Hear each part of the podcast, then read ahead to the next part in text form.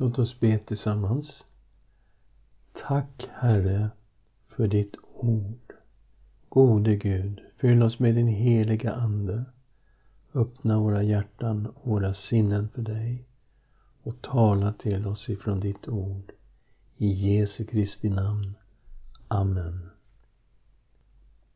Ja, vi har kommit till det åttonde kapitlet här i Daniels bok. Och vi har kallat det kapitlet Synen om baggen och bocken. 8.1 till vers 27. Och språket växlar härifrån ända till slutet av boken till hebreiska. Den här synen är daterad till 551 f.Kr. I den här synen var Daniel förflyttad till Susans borg i Elam vid floden Ulay i dagens västra Iran. Och det finns ju en poäng att han i synen är förflyttad dit eftersom synen handlar om Persien. Vi läser från kapitel 8, vers 1 till 4. I kung Belshazzars tredje regeringsår såg jag Daniel en syn efter den jag först hade sett. I synen såg jag att jag var i Susans borg i provinsen Elam. I synen såg jag att jag var vid floden Ulai. När jag såg upp fick jag se en bagge med två horn stå framför floden. Båda hornen var höga, men det ena var högre än det andra och det som var högre sköt upp sist. Jag såg baggen stånga mot väster, norr och söder och inget djur kunde stå emot honom och ingen kunde rädda någon ur hans våld. Han gjorde som han ville och blev mäktig.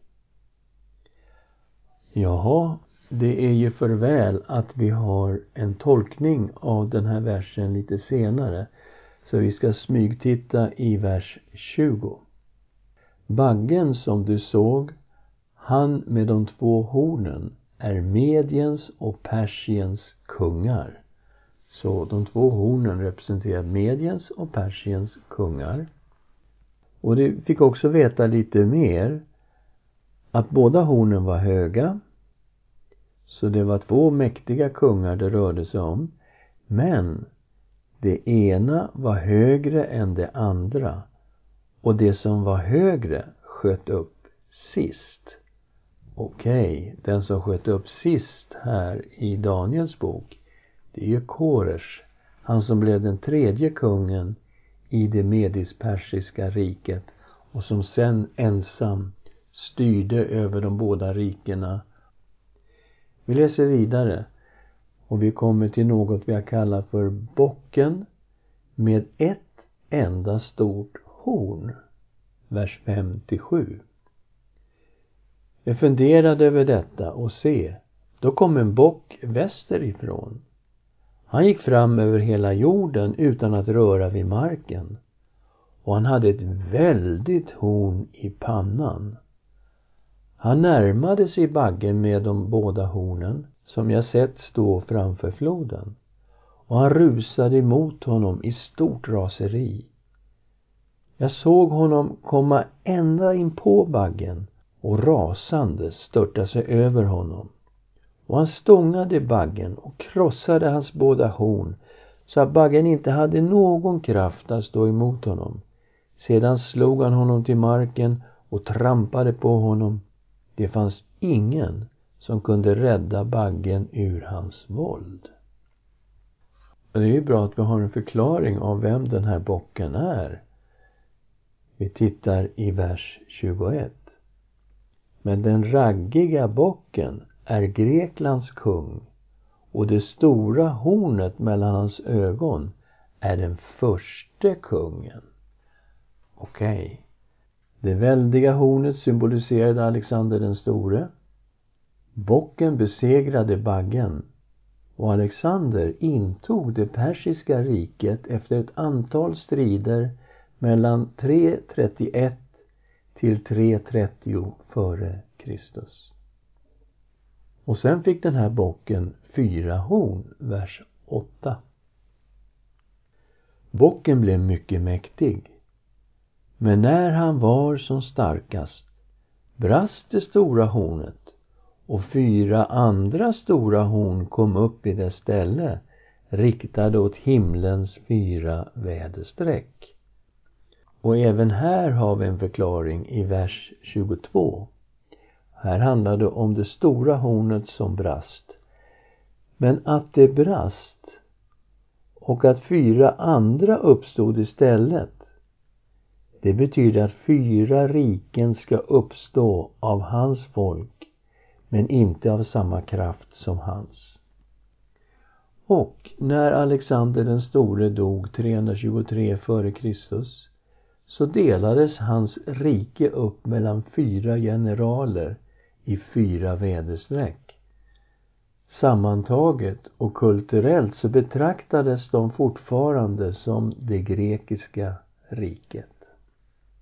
Sen kommer ett litet horn i norr som växer sig starkt. Kapitel 8, vers 9 till 14. Från ett av dem, alltså ett av de här äh, fyra hornen då, som kom från Grekland.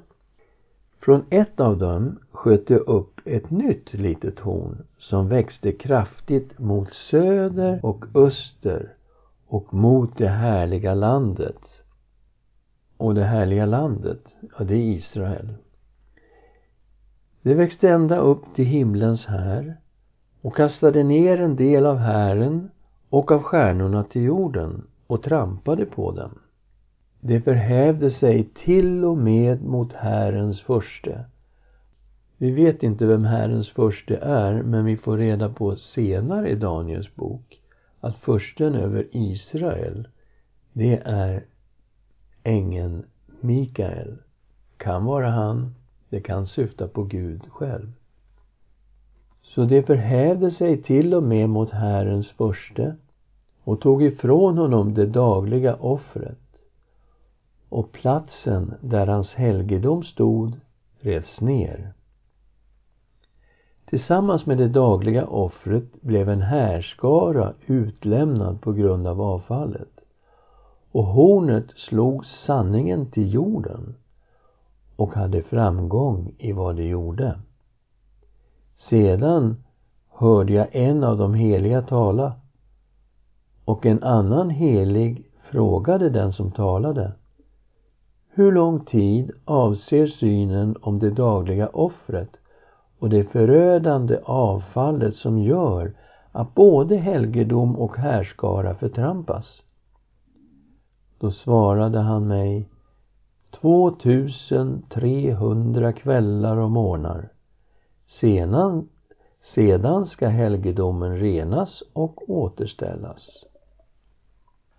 Ja, så det är ett litet horn norrifrån som växer sig starkt mot söder och öster och som på något sätt invaderar det härliga landet och tempelplatsen och helgedomen kommer att trampas ner och offret kommer att avskaffas. Hur ska vi förstå det här? Ja, Daniel såg alltså ett mindre horn i norr som växer kraftigt mot öster och söder. Hornet angrep Israel och avskaffade offren i templet i Jerusalem.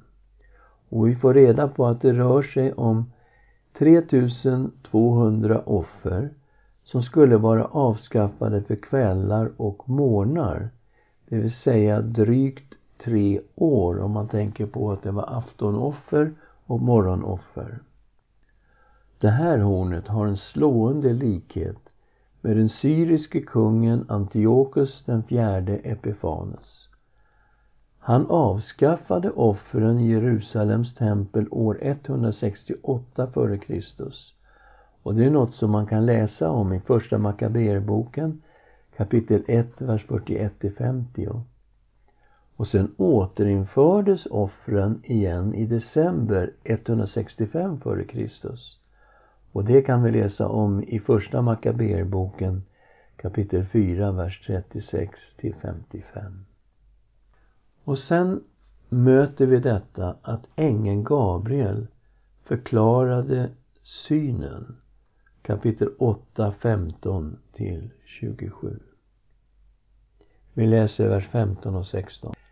När jag, Daniel, hade sett denna syn och försökte förstå den fick jag se en gestalt som såg ut som en man stå framför mig.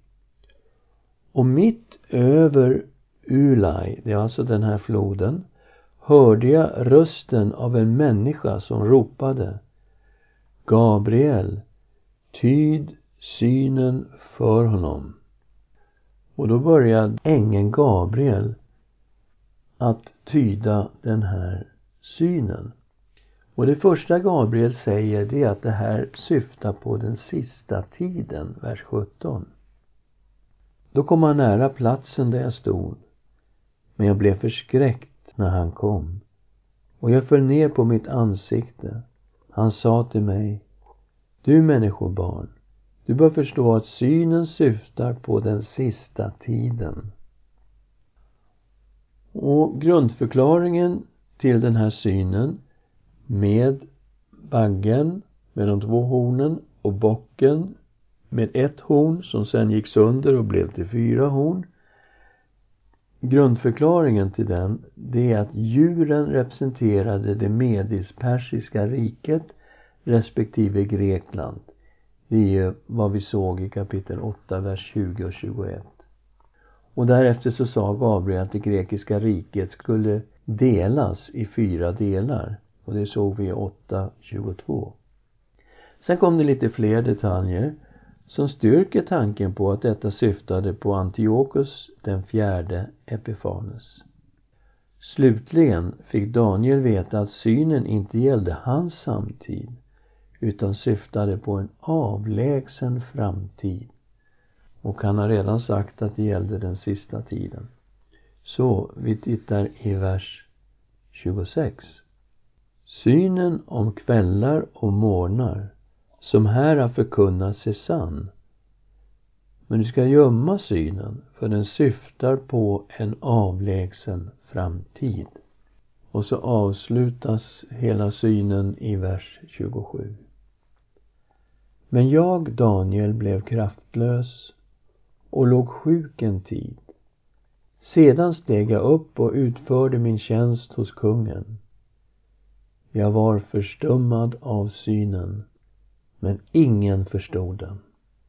Så hur ska vi nu tänka kring det här stället? Ja, det är just de här delarna av Daniels bok som anses vara skrivna under Makabertiden runt 160 f.Kr. Eftersom denna syn exakt beskrev faktisk historia. Men precis som vi noterade när vi studerade Jesajas bok så är egentligen den avgörande frågan om Gud finns. Och nästa fråga blir då, kan Gud överföra detaljerad kunskap om framtiden till sina profeter? Om svaret är ja, skulle en historisk person vid namn Daniel kunnat skriva detta på 500-talet? Det är ju självklart. Om Gud kan överföra detaljer om framtiden till sina profeter. Ska vi be tillsammans. Tack Herre för ditt ord och tack för dina profetior som står fast.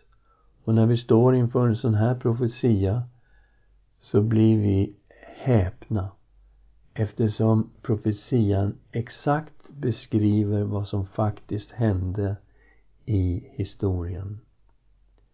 Men vi tackar dig för att du är den allvetande, du är den allsmäktige och du känner till framtiden. Men det gör ju inte vi. Men vi tror, Herre, att du har makt att uppenbara framtiden för dina profeter. I Jesu Kristi namn. Amen.